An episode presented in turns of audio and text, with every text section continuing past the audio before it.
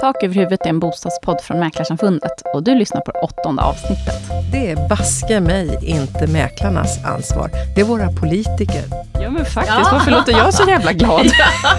det är jättevemodigt. Ja det är det. 12 år på Mäklarsamfundet ja, har det blivit. Helt fantastiskt. Ja men det är kategori flum helt enkelt. Mm. Ekonomi, ja det är staplade diagram och kilometerlånga Excel-ark. Och här har vi då en kombination av två saker som är alldeles eh, fantastiskt.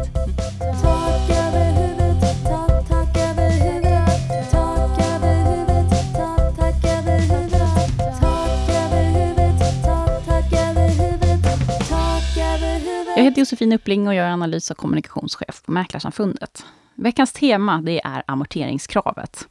Eh, I Fråga Juristen så ska vi prata om alla avtal du som, måste, som konsument måste ha koll på när du köper en nyproducerad bostad. Här råkade vi kasta om eh, inslagen i förra avsnittet, men nu är det alltså dags för nyproduktionsavtalen. Veckans profil, det är juristen Elina Schönnings. I Konsumentkollen så kommer Titti Örn, kundombudsman sedan 12 år på Mäklarsamfundet, tacka för sig och summera sina år. Eh, I nästa avsnitt sen kommer vi träffa Mäklarsamfundets nya kundombudsman, Magnus Bäckström. Men allra först, Mäklarsamfundet släppte i dagarna en ny rapport som visar på prisutvecklingen i Sverige mellan 2012 och 2015 på bostadsmarknaden. Och det är häpnadsväckande siffror. Eh, nu kör vi igång. Jag sitter här i vår studio med Ingrid Eiken, VD för Mäklarsamfundet. Hur står det till? Tackar, det är bra. Roligt att vara här. Ja, vi ska prata lite om eh, att det nu har blivit klarhet i en av det senaste årets eh, värsta långbänkar, nämligen amorteringskravet. Eh, vi vet nu att det införs den 1 juni och förra veckan så presenterade Finansinspektionen själva innehållet. Hur ser du på det här? Ja, först och främst så skulle jag säga att det är otroligt viktigt för oss att vi nu får eh, klarhet i hur amorteringskravet eh, blir och att det blir. Vi får mycket frågor om det. Nu är osäkerheterna undanröjda och vi har så att säga, fått klara spelregler igen och det vet vi att våra konsumenter värdesätter. Eh, sen kanske det inte blev precis så som vi hade önskat och hoppats, men vi har fått möjlighet att vara remissinstans och Eh, vi har varit med i flera varv och det har också påverkat förslaget. Så att det har varit roligt att vara med i den här processen.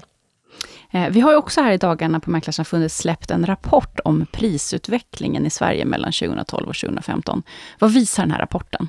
Ja, den visar ju att vi har ju haft prisökningar på bostäder som inte bara är ett Stockholmsfenomen. Det har varit historiskt hög prisökningstakt under de här åren. Eh, vi kan säga att det är i Upplandsbro, för att ta några exempel här i Stockholm. Upplandsbro hade 86 procent, Danderyd hade 41 procent, eh, men Falköping hade faktiskt 127 procents prisökning på bostäder och Piteå 108. Mm, och det här är bara de senaste tre åren? Det är de senaste tre åren och Motala hade 79 procent och då det är klart att det här är ju eh, väldigt höga prisökningar och eh, eh, som, som branschföreträdare så möter ju vi ofta synpunkter och, och kritik eh, mot fastighetsmäklare klarar att eh, prissätta rätt. Och då är det väldigt viktigt att ändå komma tillbaks till att det är ganska högt ställda krav på fastighetsmäklare. Att eh, liksom sätta rätta priser och eh, man får också kritik när slutpriserna överstiger utpriserna med mer än bara några procent. Men eh, vem tar ansvar för att priserna faktiskt ökar i de här storleksnivåerna som vi nu har sett? Det är baske mig inte mäklarnas ansvar. Det är våra politiker. Så att vår uppmaning är det, det vi brukar säga. Det måste till en politisk agenda för att skapa fler bostäder och snabbt, för det här påverkar människors framtidsmöjligheter. Vad får den här typen av eh, prisutveckling för konsekvenser för vanliga människor på bostadsmarknaden? Alltså många människor påverkas ju idag av bristen på bostäder och ser inte någon lösning och det här är problematiskt. Och att spara ihop till handpenningen det blir en omöjlighet för väldigt, väldigt många givet de prisförändringar som vi har sett. Eh, så därför tycker jag att det vore rimligt att kanske börja fundera på eh, eller rimligt att våra beslutsfattare började fundera på om man inte skulle införa någon form av avdragsgillt bosparande. För det här vore också ett sätt att stötta de som inte lyckas ta sig in på bostadsmarknaden och hur till exempel unga ska få en egen bostad. Det måste bli en tydligare hjärtefråga. Stort tack Ingrid Eiken. Tackar. Vi ska prata om amorteringskravet med Claudia Wörman, som till vardags är boendeekonom på en bank. Eh, här alldeles nyligen så fick vi reda på att amorteringskravet kommer att införas den 1 juni och vi har också sett slutversionen på hur det faktiskt kommer att se ut. Välkommen hit Claudia Wörman. Tack så himla mycket. Kul att du vill komma hit och prata om amorteringskravet. Ja, det är jättekul att vara här faktiskt. Det har varit väldigt många turer nu i ett och ett halvt år och nu vet vi äntligen att det blir av första juni i år. Nu kan man faktiskt rättmätigt säga äntligen. Faktiskt. Det har ju varit en del turer, som sagt. Och det har påverkat marknaden kanske inte alldeles eh, optimalt eh, under Nej. resans gång. Nej, man kan ju faktiskt reflektera över hela den här kommunikationsprocessen. Eh, när det först annonserades Eh, det var väl ungefär ett år sedan? Ja, ett och ett halvt tror jag. Ja. ja. Då eldade det på marknaden och då kan man ju faktiskt säga att vissa blev faktiskt precis så lite extra belånade mm. som Finansinspektionen ville undvika att mm. man skulle bli. Mm. Så det, och sen drogs det ju tillbaka. Men nu mm. är vi i land. Så mm. nu vet vi åtminstone spelreglerna. Det är ju positivt. Exakt, och det vet vi att bostadskonsumenterna tycker är faktiskt jätteviktigt att veta vad man har för förutsättningar. Mm. Men vi börjar i en annan ände. Vem är du, Claudia? Jag har jobbat i den här branschen i 15 år. Eh, jag eh, brinner för bostadsfrågor och eh, i min roll som boendeekonom så kan jag faktiskt, jag brukar säga lite raljant att jag är mer boende än ekonom. Mm. Jag är kulturgeograf i botten. Mm. Och eh, titta på boendet som en del i samhället. Det är ju ingen isolerad ö och det styrs ju väldigt mycket om både ekonomiska förutsättningar men också psykologi. Och det tycker jag den här marknaden illustrerar alldeles utmärkt. Och faktiskt också hur amorteringskravet har påverkat, eh, inte bara ekonomiskt utan framförallt psykologiskt. Absolut, det kan vi vittna om här på Mäklarsamfundet också faktiskt. Eh, jag hörde i en annan podd där du medverkar att du betraktar dig själv som bostadsnörd. Eh, vad är det som är så intressant med bostäder egentligen? Ja, men det var väl det lite grann jag var inne mm. på. Att pratar man bara beteende och känslor, då blir det lite flummigt. Det går inte att mäta på något sätt. Det är, ja, men det är kategori flum helt enkelt. Mm. Ekonomi, ja det är staplar och diagram och kilometerlånga Excel-ark. Och här har vi då en kombination av mm. två saker som är alldeles eh, fantastiskt. Mm. Eh, och jag brinner ju för att försöka belysa alltså, konsekvenser ur båda perspektiven egentligen. Både ekonomi och eh, mjuka frågor kan man väl kalla det för. Alltså för det, det, vi styrs ju väldigt mycket av psykologi. Vi ska se om vi får ihop den här blandningen då. Jag tycker det låter väldigt eh, tilltalande. Både liksom staplarna och det lite mer mänskliga perspektivet här på vad amorteringskravet kommer få för effekt. Yes. Eh, om vi tittar hardcore, innehållet. Det har ju varit många turer fram och tillbaka, vad som gäller nyproduktion och hur länge man får vänta med att amortera tilläggslån. Och är det verkligen tillträdesdag eller är det liksom kontraktsdag, vad är det som gäller? Om du skulle börja någon ända och försöka beskriva själva kärnan här nu, hur ser amorteringskravet ut? Det gäller nya lån. Eh, det gäller kontraktsdag. Eh, det gäller eh, lån över 70 procent av bostadens värde. ska du amortera ner med 2 procent per, ja, år. per år. Ja. och mellan 50 och 70 procent så ska du amortera ner med 1 procent per, per år. år. Så målet är att komma ner till hälften, alltså man får max vara belånad hälften av bostadens värde. Ja, Precis. Eh, och med värde, vad är det för siffra då? Är det liksom själva storleken på lånet eller är det priset? Det är väl eh, det, det är priset. Mm. Vad du betalar helt ja, enkelt. Precis. Ja, mm. eh, Och sen så finns det ju utrymme att uh, göra vissa undantag. Du har ju till exempel nyproduktionen som för den första som köper nyproduktion är undantagen i fem år. Mm. Kan vara undantag, ska ja, vi säga tydligt. kan vara undantagen i fem år. Det är ju Just, precis rätt tydligt att uh, poängtera det. Eh, och även om man nu vid sjukdom eller eh, ja, i värsta fall dödsfall, att man kan få undantag. Just det, i dialog med sin bank då helt enkelt. Ja, precis. Mm. Mm. Eh, och vi har ju redan många banker och vi med dem har ju redan krav på amortering. Mm. Så att, och min uppfattning är att även om det har varit otydliga turer så tycker jag ändå att det finns en eh, Alltså, fördelen i att ha diskuterat det här på det här sättet i ett och ett halvt år är att frågan har lyfts. Och vi har en ganska stor acceptans mot att amortera. Det har satt sig.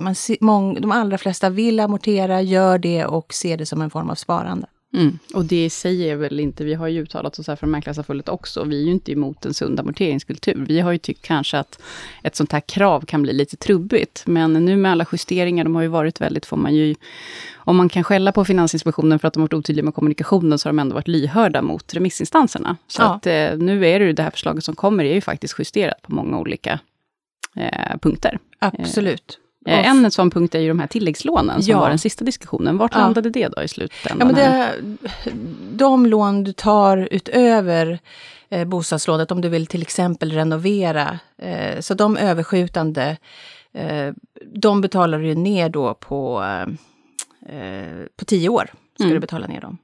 Eller så kan du välja att baka in det i din befintliga låne, ja, Just lånebild. det. Just Så att du har ju en större valmöjlighet. Ja, och det fanns inte med i sen, nej, för förra förslaget, utan precis. det är nytt här nu och det är ju positivt för det ökar ju flexibiliteten. Ja, och det är väl det som är bra att de har varit lyhörda där. För att risken med ett alldeles för stringent verktyg där hade ju varit att färre väljer att renovera och alla är väl ändå intresserade av att vi har väl underhållna bostäder. Så att det var bra att de tittade på det. Mm. Jag håller med, helt och fullt. Eh, om vi ehm, tittar vidare då på vad det här får för effekt. Ehm, vi har ju varit ute, man, man lyssnar på flera olika bedömare. Jag själv till exempel har ju sagt flera gånger att jag inte tror att det här kommer få så stor praktisk betydelse. Och, men ju mer jag funderar på det, där kanske man får uh, käka upp sen. Det kanske blir tvärstopp här nu i marknaden. Vad, vad tror du? Jag önskar att jag kunde säga exakt, men för jag tänker också på eh, den diskussionen som försiggick av eh, kravet på kontantinsats 2010. Den, jag bland andra trodde ju att små lägenheter skulle sjunka i pris och det blev precis tvärtom. Så att jag står väldigt ödmjuk inför, för nu kommer den här psykologiska effekten i, Mm. in också. Att Jag menar, är det bara ekonomi så skulle man kunna räkna på det, men sen finns det ju eh, andra aspekter i det här också som gör att det är lite svårt att säga om. Men vad man skulle kunna säga är ju att de som faktiskt är ganska nya på marknaden, eh, de som kanske inte har gjort en boendekarriär på samma sätt, de är inte inne på fjärde, femte försäljningen. Nej, och med vad det har inneburit i form av värdestegringar såklart. Exakt. Så de, det kommer nog bli kännbart för dem. Mm. Sen kan man också tänka att eh, de som bor trångt i det enskilda fallet och, och är lite på marginalerna, de kanske väljer att när de väl får sitt lånelöfte och räknar på det så inser de att nej, men vi försöker bygga om istället. Vi har inte råd att flytta. Nej, och det önskar vi ju inte. Nej, vi vill att man ska flytta oftare, inte, Ja, inte ännu mer sällan. Absolut. Ja, om man tittar på de äldre då på bostadsmarknaden. Vet, du var ju nere här i Göteborg i veckan eh, tillsammans med vår vd Ingrid Deiken på en eh, äldrekonferens, där ni pratade båda två om äldres eh, förutsättningar på bostadsmarknaden. Hur kommer de påverkas av det amorteringskravet, tror du? Ah, Det är svårt att säga. De, eh, många i den gruppen... Det var, jag sa det att först var jag tvungen att bli 50 år, fylla 50 och sen blev jag inbjuden till sen- seniorvärldskonferensen. men det är lite luddigt vad man menar med äldre. Men många då, om vi säger de som är kanske i 70-årsåldern, de har ju inte så mycket lån överhuvudtaget. Nej. De har ju hunnit, om, om man säger att man gjort en traditionell bostadskarriär, så har de ju ägt sitt boende ganska länge. Så att nej, där är det inte några större problem. Den målgruppen har ju andra problem istället. Just det. Jag tänk, men jag tänker om man är pensionär, säg att du, eh, vi har ju de här olika pucklarna i marknaden, typ reavinstskatten som ju är relativt sett hög då, om du säljer något som är helt obelånat. Ehm, och så är du pensionär, hur ser det ut där? Liksom, kan, man, kan det bli, du har ju kanske mm, mindre inkomst än vad du hade när du var arbetsför och du kanske inte är lika bra kund för banken om du är pensionär. Du ser inga sådana, det kan bli Jo, bekymmersamt det är absolut en, en grupp som inte har det jättelätt. Och det man många gånger om man tittar på... Vi har ju faktiskt frågat eh, om hur man trivs i sitt boende och då visar det sig att eh, sju, nej sex av tio faktiskt bor i sitt drömboende om man tittar mellan 56 och 80. Bara det är ett problem i sig. Alltså att man redan bor i sitt drömboende, men är det så kanske att vi inte har hittat rätta, eller byggt rätt? Vi kanske har en annan, de kanske efterfrågar något annat än vad Ja. faktiskt som byggs. Men Faktiskt. problemen ligger ju mycket i det som du är inne på, att mycket av deras rikedomar ligger ju i deras nuvarande bostäder, Ja. medan själva inkomsten, vi tar det klassiska exemplet med änkan som flyttar för sista gången, som kanske har varit hemma och varit hemmafru och inte har en alls så hög pension. Det i sig är ett problem. Plus en amorteringskultur på det. Så att absolut, i det enskilda fallet så är det ju inte bra. Nej, så yngre som ska in, eller egentligen, man behöver inte vara ung heller, men är man förstagångsköpare i det köpta beståndet, eller det ägda beståndet och ska in, då kan det bli knöligt med amorteringskrav och även då om man är på väg och ska downsiza kan det också bli knepigt ja. egentligen. Eller egentligen om man säger, om man, som du var inne på, att man inte säger att då är de yngre, utan man säger att alla som faktiskt har en ganska kort historik på, det ägda bo, på marknaden för ägda bostäder. Det. Och det kan ju vara även äldre. Ja, såklart. Hur, vad, om du tänker i barnfamiljer då, där man är mitt uppe i familjebildandet och man kanske är hemma och är föräldraledig och har en lägre inkomst på grund av det. Kan det slå amorteringskravet där? För att även om det är ett sparande så är det pengar som ska ut i plånboken, tänker jag. I det mm. enskilda fallet kan det absolut mm. göra det. Mm. Uh, men där, har jag ju, där finns det ju en förhoppning om att det har blivit en positiv opinion uh, om att man faktiskt är villig att amortera. Jag tror inte att det är någon vettig person faktiskt som emotsätter sig det. Utan det är ju, det är ju bra att amortera. Sen kan man ju ha åsikter om tillvägagångssättet och ja, hur mycket och, och så vidare. Men, ja, precis. Och men, särskilt nu med den här låga räntan väl. Det är väl alldeles utmärkt nu att passa på och amortera på sina lån. Absolut. Um, Erik Thedéen som är generaldirektör på Finansinspektionen, han sa redan på presskonferensen när det här slutgiltiga förslaget presenterades, att han menar på att det, det, finns anledning att se över om man inte också ska ta till ytterligare åtgärder, om inte amorteringskravet får avsedd effekt, inom citationstecken. Vad tror du, vilka åtgärder menar han då? Vad, vad kan ligga nära till hands?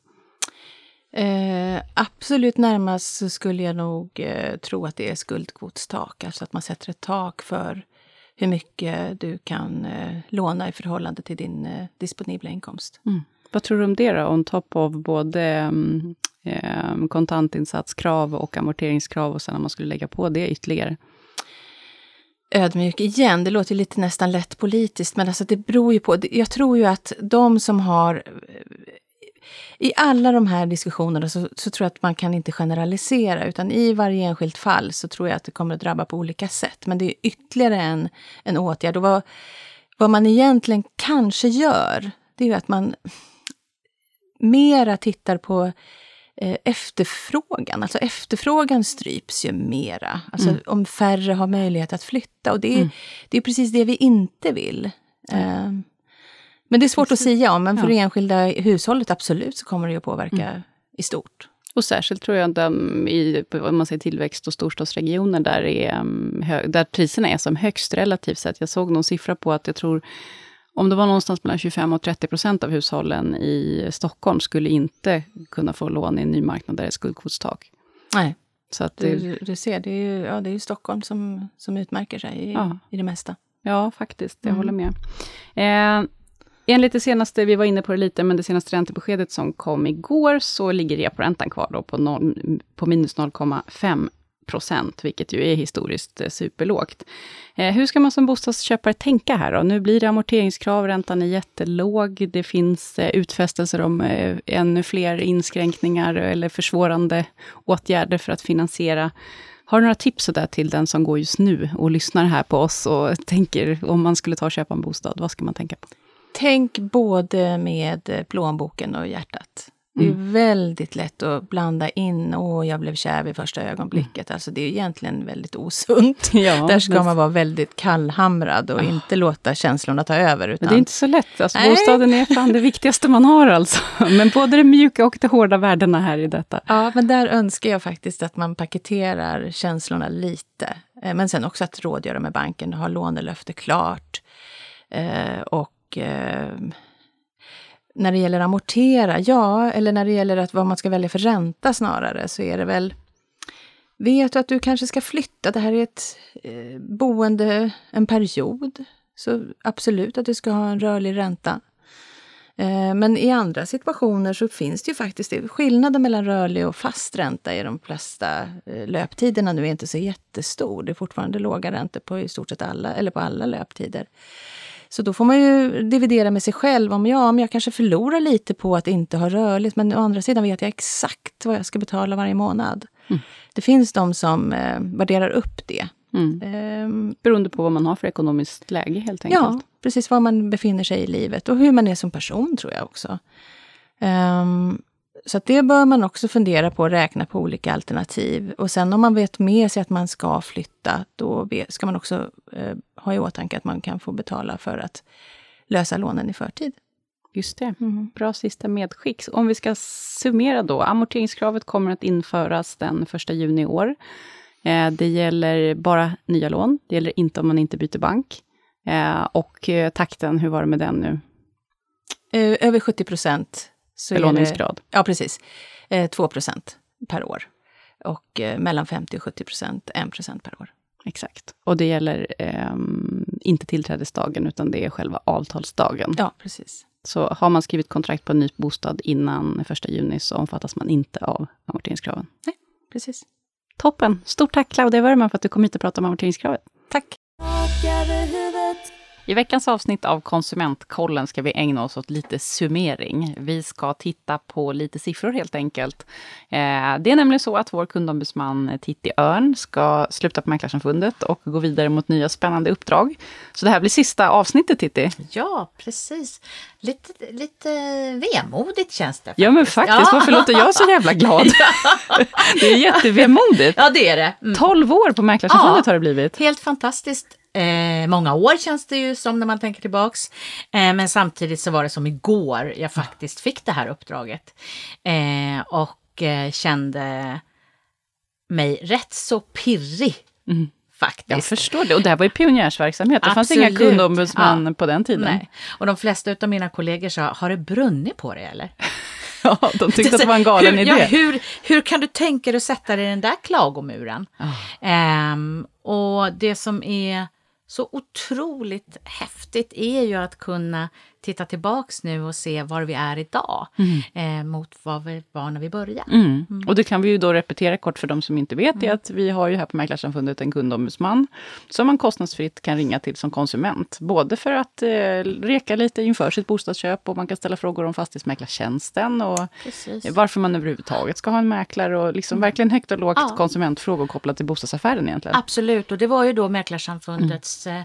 styrelse på uppdrag av sina medlemmar som eh, hade det och tog det framsynta mm. beslutet. Att vi vet inte hur det ska gå till Nej. riktigt. Nej. men men Nej. vi vill påvisa att vi har ett kundfokus mm. Mm. och att vi vill vara tillgängliga. Vi vill mm. lyssna, vi vill veta. Eh, och eh, så var det när jag fick det uppdraget och det var mm. också det som tände till hos mig. Som fick mig att gå från att mäkla, vilket jag älskade att göra. Mm. Kunde verkligen inte se mig själv att inte mäkla. Eh, men det, det var just det här som ligger mig varmt om hjärtat. Eh, att tydliggöra fastighetsmäklarrollen. Jag mm. kände att många gånger så, så fanns det så eh, en skev uppfattning helt mm. enkelt om vad egentligen rollen innebär. Mm. Och, och den finns ju fortfarande faktiskt, absolut, så det här det jobbet är ju inte slutfört. Nej. Utan vi jobbar varje dag med att förklara. med det, ja, för det är komplext ja. eh, och inte helt lätt. Men uppdraget var som sagt var väldigt framsynt mm. när man gav eh, det mm. till att någon skulle hitta ett sätt att få en kanal mm. eh, till konsumenterna. Och det har vi lyckats bra med tycker jag. Det håller jag med dig om till 100 procent. Det är bara att titta på antalet samtal. Ja. 30 000 samtal ja, har faktiskt. du hunnit med de här 12 åren. Ja, faktiskt är det så. Ja. Att dryga 30 000 samtal senare eh, så vill jag påstå att vi har varit väldigt lyckosamma mm. i det. Och att vi idag är en naturlig, eh, naturlig part att ringa till. Mm. Eh, som konsument. Mm. Man, man vet att man kan ringa hit och så. Så att eh, behovet har bara ökat. Mm. Eh, och det känns jättebra. Mm. Så att det här funkar verkligen. Mm. Eh, och ehm, tittar vi lite på de här onda tungorna då som tyckte att det hade brunnit i huvudet mm. Eh, på mig så känns det rätt skönt att kunna mm. tala om att eh, i, ni hade fel och jag mm. hade rätt. Det är ju inget som är så härligt som när man får säga... det är det, är det ju, bästa som finns. Det är ju liksom lite, det är inte så fint att erkänna det, men jag tycker vi kan göra det. Ja, det är härligt nej, att få rätt. Framförallt var det väl så här att man trodde att merparten av de kontakterna och kommunikationen vi skulle få skulle vara med konsumenter som var väldigt missnöjda. Ja, eller förbannade. Ja, liksom. precis. Men det stämmer inte riktigt. Uh, nej, inte... Det kan det initialt vara när mm. man ringer. Mm. Men efter att vi har samtalat så har jag möjlighet att i min statistik statistik faktiskt eh, sätta det här på ett samtal som förändrades över tiden. Mm. Där när vi hade fått gå in i den här frågan, man hade eh, kunnat fördjupa sig i vad det handlade om och bena ut kanske fastighetsmäklarens roll, konsumentens roll, köpare-säljare, ansvarsfördelning och så vidare. Så ville man inte anmäla lä- mäklaren Nej, längre för då insåg man att det här var att faktiskt inte det mäklarens var kanske fel. Mm. inte så där, jag har missuppfattat den här delen och vi har kommit ett steg längre så att säga. Och det gör då att faktum är att det är bara en procent utav alla samtalen som är ett direkt klagomål och kritik och befogad kritik Mm. som ska anmälas med största sannolikhet till Fastighetsmäklarinspektionen eller rendera i en reklamation på Fastighetsmäklartjänsten så att konsumenten får upprättelse och framförallt får sin röst hörd och att man får titta på den biten. Mm. Om man tittar lite mer på de här 30 000 samtalen, 1 procent är, då, nu vi har facit i hand här, Mm. är eh, direkta befogade klagomål. Eh, Men vi vet också att dryga 90 procent av de här samtalen faktiskt handlar om information. Information och kommunikation. Ja, Där man har frågor och Ja. man har funderingar och där du liksom enkelt och snabbt kan reta, räta ut de här frågetecknen. Precis, ja. Vi kan, eh, det, det blir svar på, på, på tal på det eh, och att vi kan eh, tydliggöra hur det ser ut och vad som gäller, vad som får anses gälla så att säga. Och att det är så här så mycket som 90 procent handlar om att man inte tycker att man har blivit informerad. Det kan ju kännas rätt nedslående utifrån att vi som mäklare inte gör annat än informerar. Eh, och vi har dessutom sedan 2011 eh, till och med lagstiftat om att vi ska informera. Och det gör vi, men Inte tillräckligt då, det, som. går inte fram riktigt. Eh, och det är därför som det är så fantastiskt, trots allt då, då att jag anser att vi äger den här frågan. Eh, för att eh, det är ju vi som bara kan anpassa, utveckla och förbättra vår information så att den också upplevs att man har fått den. För att man Precis. får den, det får man nog i av de här 90, nu ska jag sticka ut hakan ordentligt, i de här 90 Kör hårt, det sista avs- sista av- sista och sen avsnittet du är med i. Ja, nej men då skulle jag säga att, att av 75 procent utav de här eh, samtalen Mm. har man fått information. Ja. Men man har inte haft öronen på vift helt enkelt och Nej. lyssnat tillräckligt. Eller inte insett hur viktigt just det här pappret var. Nej. Mm. Så det är ju ett medskick nu till Det- alla som lyssnar, att eh, lyssna på vad mäklaren säger. Det, är finns- inte så dumt. Nej, det är inte så Nej. dumt faktiskt. Och det här är en av de svåraste uppgifterna som en mäklare har faktiskt. För att Och tala Särskilt idag på det här tempot som vi har på bostadsmarknaden visst, alltså. Och tala håll. till, tala till någon som helt plötsligt äntligen, det sa klick va. Mm. Det här, ja men här vill vi ju bo. Det här känns ju bra. Man är Och då- förblindad, Ja, liksom. och det är som att tala till någon som är nykär. Mm. Du vet någon som har träffat någon som har bara, äh, du ser inte att det är liksom stora varningsklockor så här. Så, nej, nej, vad de än säger så lyssnar inte jag riktigt. Nej. För jag har stängt öronen. Och det är lite så som Mm. det är, eh, vet man liksom rent psykologiskt. Så att det här är en tuff eh, utmaning. Och som vi Ett som mäklare... kontinuerligt uppdrag som vi måste fortsätta med. Absolut. Man blir aldrig klar Nej. Med det. Eh, tittar man då lite på ris och ros och man ska försöka ja, liksom se vad det är för typ eh, av samtal, de här 30 000 samtalen, så ska vi börja med riset så har vi liksom rivit av det så att säga. Vad, Det finns ett sorgebarn här vet jag. Ja, ja, det gör ju det och det, den, det är också en, en, både en debatt och en sak som ligger mig varmt om hjärtat. Och, och där jag tycker att vi, vi måste faktiskt ta till oss att vi har misslyckats som bransch att eh, hantera det som vi kallar i lite slarvigt tal lockpris. Mm. Eller framförallt som medierna kallar för lockpriser, Ja, eller konsumenterna. Ja. kallar för lockpris. Konsumenterna säger lockpris till mig också, så Ja. vi, vi, sitter man på andra sidan bordet så vill man ju benämna det på ett annat sätt. Men det är lockprisdebatten och, och prissättning då, då som eh, egentligen över hela Sverige är ett, ett, ett problem Mm. i kommunikationen. Ja, där konsumenterna helt enkelt eh, inte tycker att fastighetsmäklarna gör sitt jobb. Nej. Eh, Man sätter ett pris och efter budgivning så blir glappet för Ja, stort, tycker för stort. konsumenterna. Och det tycker ju vi också att Absolut. det blir. Så att, så att det här, det är ett sorgebarn och, och vi måste fortsatt eh, arbeta på det helt enkelt. Mm. Och det tror jag är branschens eh, stora utmaning framåt. Mm. Om man tittar på ros, ros, rosorna. rosorna så tycker jag att det som jag, den resan jag har fått varit med om när det gäller budgivningsprocessen, inte själva budgivningen som sådan, utan processen och förtroendet för, för den är helt fantastisk. När jag började så eh, var över 30 procent av mina samtal som jag fick var eh, klagomål initialt på hur man tyckte att man hade brist för, för förtroende för processen. Mm, mm. Man, man hade verkligen det. Man Mm. kunde inte lita på den tyckte man. Eh, och eh, det var vi ju väldigt medvetna om och branschen jobbade hårt för att få till en lagändring. Men det tog för lång tid. Mm. För sen styrde man upp det förra gången Ja. man gjorde översynen av lagen, Ja, men fastighetsmäklarlagen. det var 2011 implementerades den. 2005 började vi och det var Mm. då jag började mäta och det var katastrofalt. Mm. Den här tårtbiten då, om vi, jag mäter eller vi det är redovisar ris och rosor och tårtbitar här. Det är liksom, Ja. Så länge man har en referens. Ja, precis. Men den här delen då Ja. utav ehm, eh, samtalen har alltså över tid gått ifrån över 30 procent till under 9 procent. Fantastisk utveckling. Och idag skulle jag vilja säga eh, att merparten utav samtalen rör sig mer om eh, strategi i budgivning än själva... ska man tänka, Hur ska man liksom? tänka, ja. Så att jag tycker att branschen har verkligen lyckats här. Man har med ett idogt och gemensamt arbete eh, jobbat för transparens och fått förståelse för parterna. Mm. Och i och med att man inte fick någon hjälp utav direkt från då från eh, lagstiftaren från Vad var det som blev den 2011. stora skillnaden där när man gjorde den här, bara kort liksom, hur såg det ut i- med budgivning innan och vad blev skillnaden? Alltså grejen var ju att vi, vi innan, innan vi hade eh, stöd i lagen att eh, få göra budgivningslistor så fick vi inte göra det utan att ha medgivande från eh, de som var med. Just det, så det är skriftligt. budgivningslistorna som är den stora Ja, skillnaden. egentligen att vi kunde kolla Ja. att alla som sades var med var med Ja. och så vidare.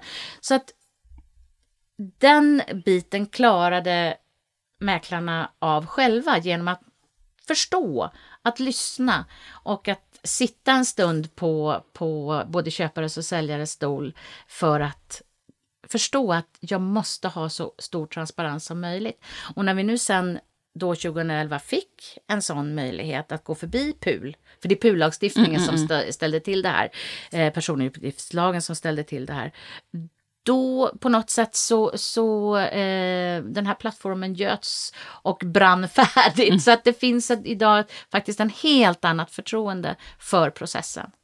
Fantastisk utveckling tror jag sa Så innan. det är rosorna. det. Ja, det är Ja. otroligt roligt att höra och det är ett arbete som vi ju nu naturligtvis ska fortsätta med. Vi, Mm. Titti lämnar oss för nya och spännande uppdrag och vi har den stora glädjen att säga då att vi kommer få en ny kundombudsman som heter Ja. Magnus Bäckström. Precis, jag lämnar min baby med varm hand till en kollega faktiskt. Magnus är fastighetsmäklare i grund och botten också. Eh, och eh, har eh, på senare tid arbetat i branschen men med ansvarsförsäkring för dolt fel. Det. Han Och, går eh, under epitetet Dolda Felmannen. Dolda fel, Magnus, ja precis. Det kan han verkligen. Ja. Eh, han har ett, precis som jag, ett brinnande intresse och fokus på konsument Mm. och tycker att det är roligt. Jag vet att han som sagt var både har kunskap och engagemang och Mm. det kommer bli jätteroligt. Det är stora skor han ska fylla Titti. Ja. Det här var fantastiskt kul att få eh, jobba ihop och göra den här podden ihop. Och eh, varmt lycka till nu med nya spännande uppdrag. Tack så mycket. Tack. Veckans profil i Tak över huvudet är juristen Elina Schönnings. Eh, Hon var min tidigare kollega här på Mäklarsamfundet och är nu chefsjurist på en av de stora mäklarkedjorna. Välkommen hit Elina! Tack så mycket Josefin, kul att vara här. Ja, är det roligt att vara tillbaka på ett litet, en liten blixtvisit här inne i skrubben? Ja, det är ju fantastiskt att vara här. Jag, som vi pratade om för en stund sedan Ja. så har jag på mig mitt nya företags logga på min jacka Ja, när jag kom hit. det. För att inte liksom hamna för mycket i att jag verkligen jobbar här fortfarande. Ja, det är så. Har man en gång varit här på Mäklarsamfundet så har man eh, kvar både sina tidigare kollegor och sitt nätverk. Det är härligt tycker jag. Så är det verkligen. Eh, du, vem, ska vi börja i någon ände? Vem är du liksom? Hur, och hur hamnar du i mäklarbranschen? Jag är Elina, jag är 35 år, varit i mäklarbranschen i åtta år lite drygt. Ehm, Jag har två barn, Love 5, Tilda 3 år, helt underbara. Tilda är precis som jag, vilket gör att jag bråkar en hel del med henne. Så kan det bli. Eh, Jag har en underbar man som är väldigt lik min son, de är lugna som filbunkar, vilket också är väldigt bra faktiskt. Så att, eh, ja, jag bor i hus söder om Stockholm. Ett av skälen till att jag lämnar Mäklarsamfundet, slipper Essingeleden nu när Ja. jag åker till jobbet. Ja, det finns alltid fördelar. Förhoppningsvis några nackdelar också. Okej, vad- hur kom det sig att du hamnade i mäklarbranschen? Mäklarbranschen hamnade jag i egentligen av en slump. jag sökte jobb på lite olika håll, inte just Mäklarsamfundet, men eh, hamnade här ändå för att rekryteraren tyckte att det här kan vara en bra match. Mm. Eh, och så blev det. Och egentligen från första samtalet jag tog på eh, rådgivningen som mm. har, eller ni har här mm. på Mäklarsamfundet, mm. mm. så var jag hooked. Det är mm. vilka härliga människor jag jobbar med. Mm. Vad är det som är det allra roligaste då, om du får säga? Du verkar tycka det är ett härligt gäng, liksom, mäklarna. Vad är roligast?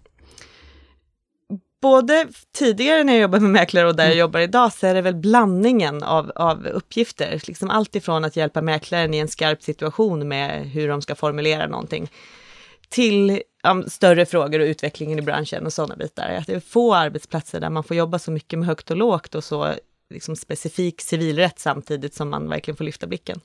Precis. Vad är det då? Vad är de vanligaste? Som sagt, juristerna är ju väldigt viktiga för vår bransch. Vi har ju egna jurister här på Mäklarsamfundet. Du var en av dem tidigare. Och ute på de större företagen finns det också jurister. Vad skulle du säga är det viktigaste? Vad, vad bistår ni mäklarna med? Varför är ni viktiga? En väldigt bra fråga, men som mäklare är man ju dels säljare, som är en väldigt viktig del av mäklaryrket. Men man är ju också bunden av så extremt mycket juridik. Mm. Eh, jag vet ingen bransch som jobbar så mycket med juridik utan att vara jurister. Och det gör ju att det finns frågor hela tiden, varje dag, som berör juridiken och som, mm. som man, där man behöver bottna en juridisk fråga. Mm. Många som är nya i branschen, de, och framförallt som kommer utifrån som mm. inte är mäklare, de tycker att det där kan man väl lära sig. Har man väl lärt sig så har man lärt sig. Ja, liksom. men precis, har man bara lärt sig. Men eh, för mäklarna som ringer till oss, både där jag jobbar idag och när jag jobbar på Mäklarsamfundet, mm. då ställer de frågor som för dem ofta är första gången de ställs inför mm. den här situationen. Det kan vara en fråga om att en säljare har dött precis mellan kontrakt och tillträde, mm. eller en fråga om någon med skyddad identitet, eller en budgivare som inte vill att ens namn ska finnas med någonstans, den vill vara hemlig. Mm. Och för mäklaren kanske det är första gången, men mm. för oss som jobbar med det så är det en ganska vanlig fråga. Mm. Och där kan vi ju på ett väldigt smidigt sätt hjälpa till att göra fler och bättre affärer. Mm. Och det är väl någonting man som jurist får brottas med hela dagarna med mm. det här yrket. Man ska hjälpa mäklarna att mm. göra rätt, men man måste förstå också att de har ett affärsfokus. Absolut, och kunna, ja men vara nog, så, så fort man är liksom en rådgivare eller en stabsfunktion inom citationstecken, så gäller det hela tiden att vara tydlig med vad man kan bidra med. Jag tycker det känns ganska tryggt att vi är så uppstaffade med, med jurister faktiskt. Mm. I alla fall om jag sätter på mig konsumenthatten, så är det mm. väldigt skönt att känna att det finns ja, så mycket definitivt. kompetenta jurister i branschen. Mm. Eh, vad skulle du säga är den eh, största glädjen med att jobba? Du säger att du älskar att jobba med fastighetsmäklare, varför då? Men jag tror att många mäklare är de älskar medgång eh, mm. och de utmanas av motgång. Mm. Och när de har en motgång som man ofta har när man ringer till oss mm. och ofta kan vända den till en medgång och göra det att mäklaren faktiskt kan visa att den har koll på läget och att den mm. faktiskt kan göra skillnad för den kunden som har ett problem. Då får man så direkt feedback från mm. mäklaren på en gång. Eh, man blir uppskattad, mm. man kan verkligen lösa situationer varje dag och det är väldigt roligt. Mm, kan tänka mig det, det blir verkligen så spontan lycka. Ja, ja men gud ja, det är faktiskt riktigt orättvist kan jag tycka. För ja. att både när jag jobbar på Mäklarsamfundet och där jag ja. jobbar idag så är ja. juristerna ofta väldigt, väldigt uppskattade. För man sitter på en kompetens som är lite svår att ifrågasätta. För att vi, vi kan grunda allt vi säger liksom tillbaka till den blå lagboken. Mm. Medan jobbar du på en marknadsavdelning eller jobbar mm. du med kommunikation, mm. ja men det finns så många olika synpunkter på hur det där kan Tell göras. Tell me about it! Nej men så är det absolut ut. Och vi vet ju verkligen att eh, det är kundombudsmannen och juristerna är det som eh, våra medlemmar uppskattar faktiskt kanske mest av det vi erbjuder här på Mäklarsamfundet. Tack snälla Elina Skäddings för att du kom hit och var veckans profil i Tak över huvudet. Tack själv! I veckans avsnitt av Fråga Juristen ska vi låta vår förbundsjurist Fredrik Aldmo berätta hur det funkar med alla avtal man kan drabbas av, höll jag på att säga, men alla avtal som är förknippade med köp av nyproduktion. Eller hur Fredrik? Ja, det stämmer. Det stämmer. Eh, och här är det lite viktigt att eh, vara tydlig med att det är klart att det är annorlunda att köpa en nyproducerad bostad än att köpa i det befintliga beståndet. Eh, men det är varken svårt eller farligt om man använder en expert, eller hur Fredrik? Ja, så kan man sammanfatta det. Det är inget att, det är inget att vara rädd för, men man ska veta vad man håller på med. Så kan man säga. Mm, det låter som ett bra grundläggande tips i livet i största allmänhet. Ja. ja. Eh, vi ska fokusera på avtalen som sagt. Eh, och om jag har förstått det hela rätt, du får rätta mig om jag har fel, så rör det sig i huvudsak om fyra olika sorters avtal. Ja, för köp av nyproduktion så kan man egentligen säga att det rör sig om, eh, man kan säga så, det rör sig om tre stycken avtal i köp av nyproduktion. Mm. Eh, vi kommer att prata om något som eh, också som heter option, kallas optionsavtal. Mm. Eh, men det är någonting som vi helst inte sysslar med, ska jag säga. Eh, så att vi, vi ska... Vi kommer förklara varför. Ja, ja. Ja, så att de tre avtalen som vi ska prata om är bokningsavtal, förhandsavtal och upplåtelseavtal. exakt. Vi börjar pedagogiskt med bokningsavtalet. Ja, bokningsavtalet, det är ju någonting som du ingår oftast med eh, den som uppför eh, lägenheten. Och bokningsavtalen... Byggbolaget då helt enkelt. Ja, byggbolaget Mm. oftast. Eh, Det händer faktiskt att vissa ingår det med eh, föreningarna också. Det, det varierar lite. Mm. Eh, men jag skulle nog vilja påstå att normalt sett är det nog faktiskt med eh, byggherren. Mm. Och eh, den här bokningsavtalen, oftast är det så att du får betala någon sorts eh, bokningsavgift. Den så här, kan variera 5 till 25 000 eller något sånt där. Eh, och om du vill hoppa av så förlorar du en administrativ del ibland i det hela. Men eh, oftast är det någonstans 15 000 skulle jag tro Mm. att man eh, förlorar. Och det man ska komma ihåg med de här bokningsavtalen är att de är enkelt uttryckt inte värda pappret de är skrivna på om du tänker dig att jag ska få ett boende. Okej, det är lite intressant, för det skulle nog jag tro om jag fick reda på att det skulle byggas fantastiska lägenheter i mitt område och så lyckas jag få vara en av dem som får skriva bokningsavtal med byggaren. Då skulle jag nog tro att eh, nu har jag halva in åtminstone. här. Ja, eh, okej, ja, mm, halva in, ja, men inte så att man kan känna att wow, nu har jag eh, lägenheten. Nej, okej, eh, utveckla. Ja, för att man ska ha rätt till lägenheten så krävs det att man har eh, skrivit ett skriftligt avtal. Och normalt sett är det så här att bostadsrättsföreningarna då, som eh, är den som tillhandahåller de här bostadsrätterna som byggs, de börjar oftast med att teckna ett förhandsavtal och senare tecknar man ett upplåtsavtal och kort efter upplåtsavtalet så flyttar man in. Mm. Och vad är då ens bokningsavtalet? Varför finns de ens? Eller varför Det finns oftast för att eh, byggföretagen vill säkra upp. Alltså säg att du ska bygga ett jättestort projekt, flera hundra lägenheter. Och sen tänker man sig att ja, men vi tecknar, eh, vi går ut och marknadsför det här. Eh, om man då skulle teckna förhandsavtal med alla de här 200 köparna. Eh, då har man bundit upp sig att man garanterar att man kommer tillhandahålla lägenheter. Alltså man förbinder sig att man kommer att upplåta lägenheter till de här eh, köparna. Och det kanske man inte vill eh, om man inte vet att det finns ett starkt intresse för de här Just det, för säg att det bara är, säg att du planerar att bygga 200 lägenheter och så är det bara 20 som visar intresse. Då har du förbundit dig till de 20 ändå, fast det kanske inte ens blir något bygge. Det kan bli väldigt knepigt, ja. Ja, så det är därför man har bokningsavtalen helt enkelt. Ja, det är för att, för att veta att här finns, det, här finns det en stabil marknad som vill, vill köpa. Mm. Så att Eh, egentligen kan man säga att byggbolagen eh, gör ju den här intressekollen och eh, man får skriva de här avtalen redan innan någon spade ens sitter i marken.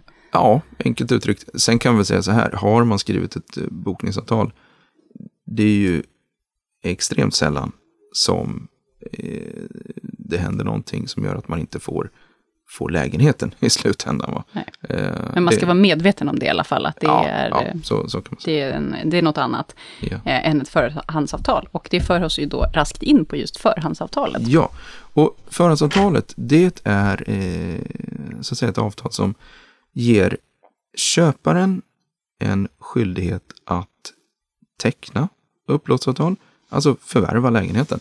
Eh, och Så det är ett avtal för att få skriva nästa avtal. precis, precis. Och det ger också föreningen då, bostadsrättsföreningen, en skyldighet att upplåta eh, lägenheten eller bostadsrätten till den här eh, köparen då, Mm. som då också ska bli medlem i bostadsrättsföreningen. Och när blir man det? Blir man medlem i föreningen när man skriver förhandsavtalet, eller hur funkar det? Nej, normalt sett är det i samband med att man eh, skriver upplåtelseavtalet. Det finns lite olika varianter på det där. Eh, om man ska hålla det enkelt Ja, det tycker jag. Så ja, vi, så, så kan man säga inte- så här att eh, den juridiskt korrekta gången, det är väl att man antas som medlem när man tecknar upplåtelseavtalet. Så, så kan man väl eh, uttrycka det om man ska hålla Okej, det. så i, i steg tre egentligen, men nu är vi på steg två då, förhandsavtal. Så det är det, är det första skarpa delen av de här avtalen Ja, man skriver, ja. det är förhandsavtal. Och Precis. när i tid brukar man vara nu? Har man börjat bygga bostaden nu? Normalt sett är,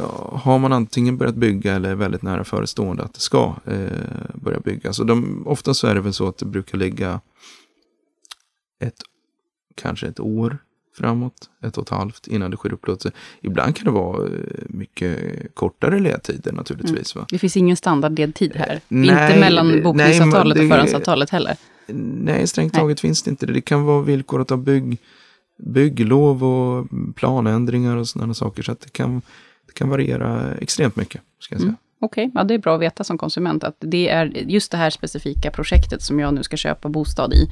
Det finns ingen standardlösning där, utan alla projekt är unika. Så det gäller att ha en dialog med... Ja, och där finns det oftast väldigt parter. mycket bra information i, ehm, i eh, det försäljningsmaterial Mm. som man får från, eh, från byggaren. Just det, så se till att läsa det helt enkelt. Ja. Bra, vi har nu nämnt upplåtelseavtalet flera gånger. Eh, Mm. Vad är det för någonting? Det är steg tre, eller är avtal nummer Ja. tre kan man säga. Avtal nummer tre, upplåtelseavtalet. Upplåtelseavtalet, det är då bostadsrätten, eh, eftersom bostadsrätten är en nyttjanderätt, det är då den uppstår. Mm. Eh, därmed inte nödvändigtvis sagt att lägenheten är på plats ännu. Eh, oftast så är, finns det ju ett hus och ett skal och lägenheten kanske har kommit en bit. Men eh, själva bostadsrätten som nyttjanderätt, den, blir, den skapas genom upplåtelseavtalet. Och eh, eh, som sagt, det finns ingen standardmall för när det här ska ske. Men vet man när man skriver bokningsavtalet preliminärt, när man kan få skriva förhandsavtal och upplåtelseavtal? det brukar stå eh, i materialet planerad. Det brukar stå planerad inflytt och så står det så här 2019. Mm. Och som man kollar på hemsidan så brukar det stå eh, preliminära hållpunkter och sådär. Mm. Så det finns åtminstone en plan som... Eh, Någon sorts eh, hum kan man oftast få. Ja. Eh, kan man säga. Okej. Ha, vi har fått ordning nu på bokningsavtalet, förhandsavtalet och upplöselseavtalet. Men du och jag vet ju att eh, det är ju inte alltid eh, det går så här smooth.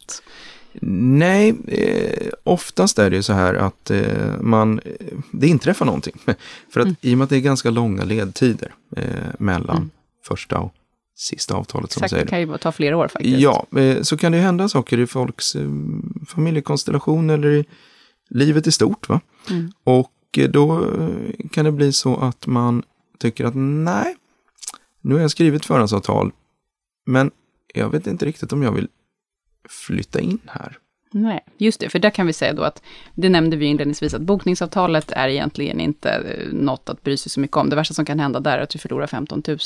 Oh, Eh, någonstans där ja, omkring. Om det är så att du ångrar dig där. Mm. Men har du väl skrivit på förhandsavtalet, då är det ju allvar. Då kan man inte ångra sig. Nej. Så kan man säga. Det är som vi har pratat om tidigare, har man väl skrivit på ett avtal så har man. Så att det stora problemet uppstår om du ångrar dig mellan förhandsavtal och upplåtelseavtal. Eh, exakt, så kan man Eh, säga. Och vad kan hända och vad ska man göra? Eh, det man kan göra. Eh, Om man ångrar sig Om alltså, man menar ångrar sig Mm. så bör man ju i, i första hand naturligtvis kontakta eh, föreningen. Eller det, det är byggaren som står för föreningen då. Mm. Eh, för att kolla, eh, finns det några möjligheter att komma ur där. Och i en, i en het marknad så kan jag säga att jag har då sällan hört någon byggare som säger nej, okej, eh, du måste fullfölja, utan då säger man bara, "Jaha, mm, tack och bock, då, eh, då, då löser vi från det här, det från det här avtalet och sen så får, eh, får vi gå, lägga ut den här till försäljning på nytt då. Mm. Eh, för de har hundra spekulanter som står redo och vill, vill teckna sig. För man ska inte komma, glömma bort att det här med nyproduktion, eh, det är oftast ganska bra affär. Va? Eh, du köper ju oftast till vad man kallar för fasta priser. Mm. Eh, du har Du en inte på insats. och budar här i de här olika Nej, omgångarna? det förekommer att man kan ha budgivning, men oftast är det inte det, utan det är fast pris. Du får köpa den här eh, radhuset för, för 6,5 miljoner eller vad det är. Va? Mm. Och då har du byggaren, de har kanske tagit sin marginal för att det här ska bli ett lönsamt projekt. Men de har inte samma priser som det här skulle vara på begagnad marknaden. Så att det, ibland kan det vara en miljon eller, eller två Mm. direkt så att säga när du stoppar nyckeln i, i dörren sen. Va? Om Mm. du skulle vilja sälja det här radhuset. Mm. Eh, Och det är det ofta som gör att om man har tecknat sig för ett förhandsavtal Mm. och så känner man att nej, jag vill inte flytta in här. Men jag vill inte sumpa den här lysande möjligheten till att jag kan tjäna pengar på detta. Om jag skulle fullfölja och flytta in. Mm. Och då kan man frestas att tycka, jaha, då vill jag nog sälja nu istället. Mm, med samma påslag. Eh, exakt. Mm. Eh, och det är då vi får eh, lite bekymmer. Mm. Är det tillåtet? Får jag ta mitt förhandsavtal och eh, lägga ut det på Blocket och säga köp eh, till 20% över vad jag köpte för? Där finns det ju eh, bestämmelser i bostadsrättslagen som säger att man får inte sätta någon annan i sitt ställe vid de här eh, bokning, eller eh, förhandsavtalen. Eh, Det vill säga man får inte handla med eh, förhandsavtal. Och där är det ju eh, så då att eh, där finns det lite kreativa lösningar som har kommit genom årens lopp Mm. för att komma förbi det här då. Mm. Och när vi säger kreativa lösningar brukar det inte vara något vi gillar. Nej, Nej. det är inte bra om vi ska tala Nej. trygga och, och säkra. Eh, Kreativitet i all ära, men inte i juridiken. Helst inte, helst inte. Eh, för det som händer är att man ofta kommer på så här att, eh, ja men okej, vi tecknar ett optionsavtal på den här lägenheten som Just det, för nu kommer vi då. in på optionsavtalen kom- som vi precis. inte gillar här på Mäklarsamfundet. Nej, det, de är inte jättebra. Eh, för då kommer man på att ja, men vi lägger ut den här till, till försäljning. Och då snackar vi förhandsavtal. Förhandsavtal. Mm. Lägenheten, det finns ett förhandsavtal, men Mm. den är inte upplåten ännu. För det, det ska man väl säga så här, har du fått den upplåten till dig, Mm. då är det fritt fram att göra vad sjutton du vill. Just det, tredje steget här, det tredje avtalet vi pratade om, upplåtelseavtal. Och det kan man ju också skriva ibland utan att lägenheten är klar. Ja, Men precis. då är den ju din, så Då- du kan exakt. sälja den eh, Hur man vill, va? Ja, så- då Så det här är bara om det är mellan förhandsavtal och upplåtelseavtal? Eh, Exakt, exakt. Och där kommer då problemet in att man eh, vill väldigt gärna sälja, Mm. för man vill göra den här förtjänsten. Eh, men man har ännu ingen lägenhet att sälja. Och då går man ut och marknadsför den. Eh, den har ju en beteckning och så naturligtvis eftersom det finns en ekonomisk plan. Mm. Men eh, man går ut och marknadsför den. Och sen säger man så här att nu kommer vi teckna ett så kallat optionsavtal på den här lägenheten. Optionsavtalet det är enkelt uttryckt en eh, rättighet att eh, eh, kräva fullföljd av ett avtal. Eh, eller man, man lovar att man ska sälja den här lägenheten till, Mm. till den som har köpt. Och när optionsavtalet då ska bli slutföras så tecknar man ett vanligt eh, köpkontrakt. Just då. det, så man köper en option på att få teckna upplåtelseavtalet av den som idag har förhandsavtalet egentligen? Nej, man, Nej. man köper egentligen en option på att man får teckna ett vanligt köpkontrakt. Okej. När den personen har fått lägenheten upplåten till sig. Ah, just Och det, det är är skillnad. där eh, som bekymret kommer in då. Att man byter ju egentligen inte part. Föreningen har fortfarande Kalle Karlsson som eh, köpare. Mm. Eh, som ska teckna upplåtelseavtalet. Men det är en helt annan person som kommer att Flytta in. flytta in där. Mm. Eh, och det är det som blir så komplicerat. För jag ska säga så här att eh, nu kanske det finns någon som sitter ute och lyssnar och tänker så här, men vänta nu, jag skrev ett optionsavtal alldeles nyligen med en, eh, genom en mäklare och det är inte klart ännu. Det här känns lite oroväckande. Men det kan ju säga så här att det finns så många olika omständigheter i det här. Så att har man gått till en mäklare och fått teckna eh, sig för ett optionsavtal, eh, då ska man kunna vara säker på att ja, men det här är i vart fall okej. Mm. Eh, för det finns nämligen mängd undantag. Mm. Och just det här vad gäller optionsavtalen så har det egentligen, där har man eh, byggt ett lapptäcke under årens lopp eh, rörande hur giltiga är de och under vilken Visst är det olika förutsättning. rättsfall va, Ja, som det har, finns, ja. det finns ett antal, det här har prövats Mm. av Högsta domstolen ett antal gånger. Så att Mm. eh, man kan vara säker på att det har, det har tröskats igenom. Mm. Men det råder fortfarande flera eh, frågetecken på många områden. Så att egentligen har man, sitter man precis som du säger i en, i en situation där man nyss har skrivit ett optionsavtal så finns det ingen anledning att liksom eh, bli jätteorolig nu. Men Nej. däremot så är vår rekommendation på Mäklarsamfundet, dels till våra medlemmar fastighetsmäklarna, håll inte på att sälja optionsavtal. Ja, Och precis. till gemene konsument samma sak, köp inte optionsavtal. Nej, det, det man kan säga är egentligen att, eh, som jag tycker är det viktigaste rådet, om du tecknar dig för eh, ett nyproduktionsprojekt, tecknat förhandsavtal och känner att jag vill sälja, ja men vänta då. Eh, gå inte ut och eh, försök marknadsföra det med optionsavtal. Om du är köpare och vill köpa eh, med optionsavtal, då tycker jag att man ska tänka till både fem och sju och nio och tio gånger Mm. innan man gör det. Mm. Eh, för att det är nämligen så här att eh, de här optionsavtalen då, om det uppstår tvist om dem i slutändan, ja, då kan man inte alltid alla gånger under vissa förutsättningar säga vad, vad, kommer, vad kommer utfallet att bli. Va? Nej. Eh, så det är det som är lite, Så för att undvika strul och vara better safe than sorry. ja precis, precis. Eh, och man kan väl, eh, man kan väl säga så här att anledningen till att vi tycker att man från Mäklarförbundets sida säger att ja, men håll inte på med optionsavtal. Det är egentligen för att eh, dels är det svårare med nyproduktionsprojekt och dels är det så här att de här optionsavtalen, eh, man hör ju på namnet, det är en option. Mm. Eh, man ska då inte vara fullt ut bunden eh, åt bägge hållen är egentligen tanken. Eh, men om det skulle hända något dramatiskt på bostadsmarknaden. Ja men då är det klart att någon part kommer vara missnöjd. Mm. Priserna går upp, säljaren kanske tycker, aj då, jag kunde ha fått mycket mer. Mm. Jag ska försöka tråckla mig ur det här. Eh, Priserna går ner. Ja, då tycker köparen att, aha, kan jag komma ur ett avtal på något sätt? Mm. Eh, vi går till varsin jurist. Mm. Ja, då kommer de börja bråka om detta. Mm. Och eh, om de eh, bråkar tillräckligt länge så kommer det kosta jättemycket pengar. Mm. Och vi vet inte utfallet i slutändan.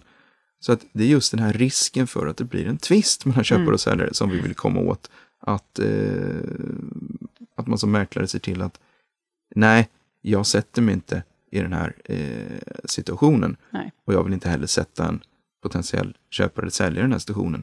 Eftersom jag kan sitta och hålla bästa föreläsningen Mm. någonsin.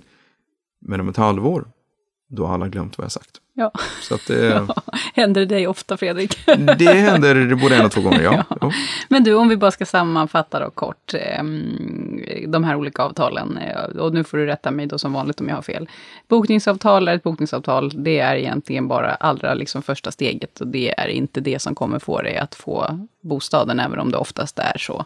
Ja. Eh, för, förhandsavtalet, nu börjar vi snacka, det är liksom ett skarpt läge. Då, precis, då, Mm. är, eh, då är föreningen och du som köpare bundna Exakt. av det. Och efter upplåtelsen så är det faktiskt din lägenhet. Då är det, precis, och då kan man sälja den. Exakt. Och vårt eh, råd är ju att ska man sälja så sälj efter att du har skrivit upplåtelseavtal. Inte mellan förhandsavtalet och upplåtelseavtalet. Nej, precis. För då kommer vi till de här eh, optionsavtalen som eh, visst, under vissa förutsättningar så, ja, det har Högsta domstolen sagt att de är giltiga. Ja. Eh, och som sagt, har du köpt en lägenhet med optionsavtal, då kan man vara, vara säker på att då har eh, vi på Mäklarförbundet fått eh, titta på det där och checkat av att ja, men förutsättningarna, de är uppfyllda. Så att det ska inte vara några, eh, jag, ska inte, jag ska inte behöva sova dåligt om natten om vi säger så. Eh, men eh, står man inför en försäljning, ja men ta tillfället i akt och Mm. avvakta. Stort tack för den här gången, Fredrik Almo. Ja, tackar. Tak över huvudet klipps och spelas in av Johannes Stålnacke Nero. Musiken är gjord av Ellen Stålnacke Nero och eh, avsnittsbilden och grafiken är gjord av Karina Vikaby. Caroline Berg är fotograf och jag heter Josefin Uppling. Jag hoppas att vi hörs igen nästa vecka.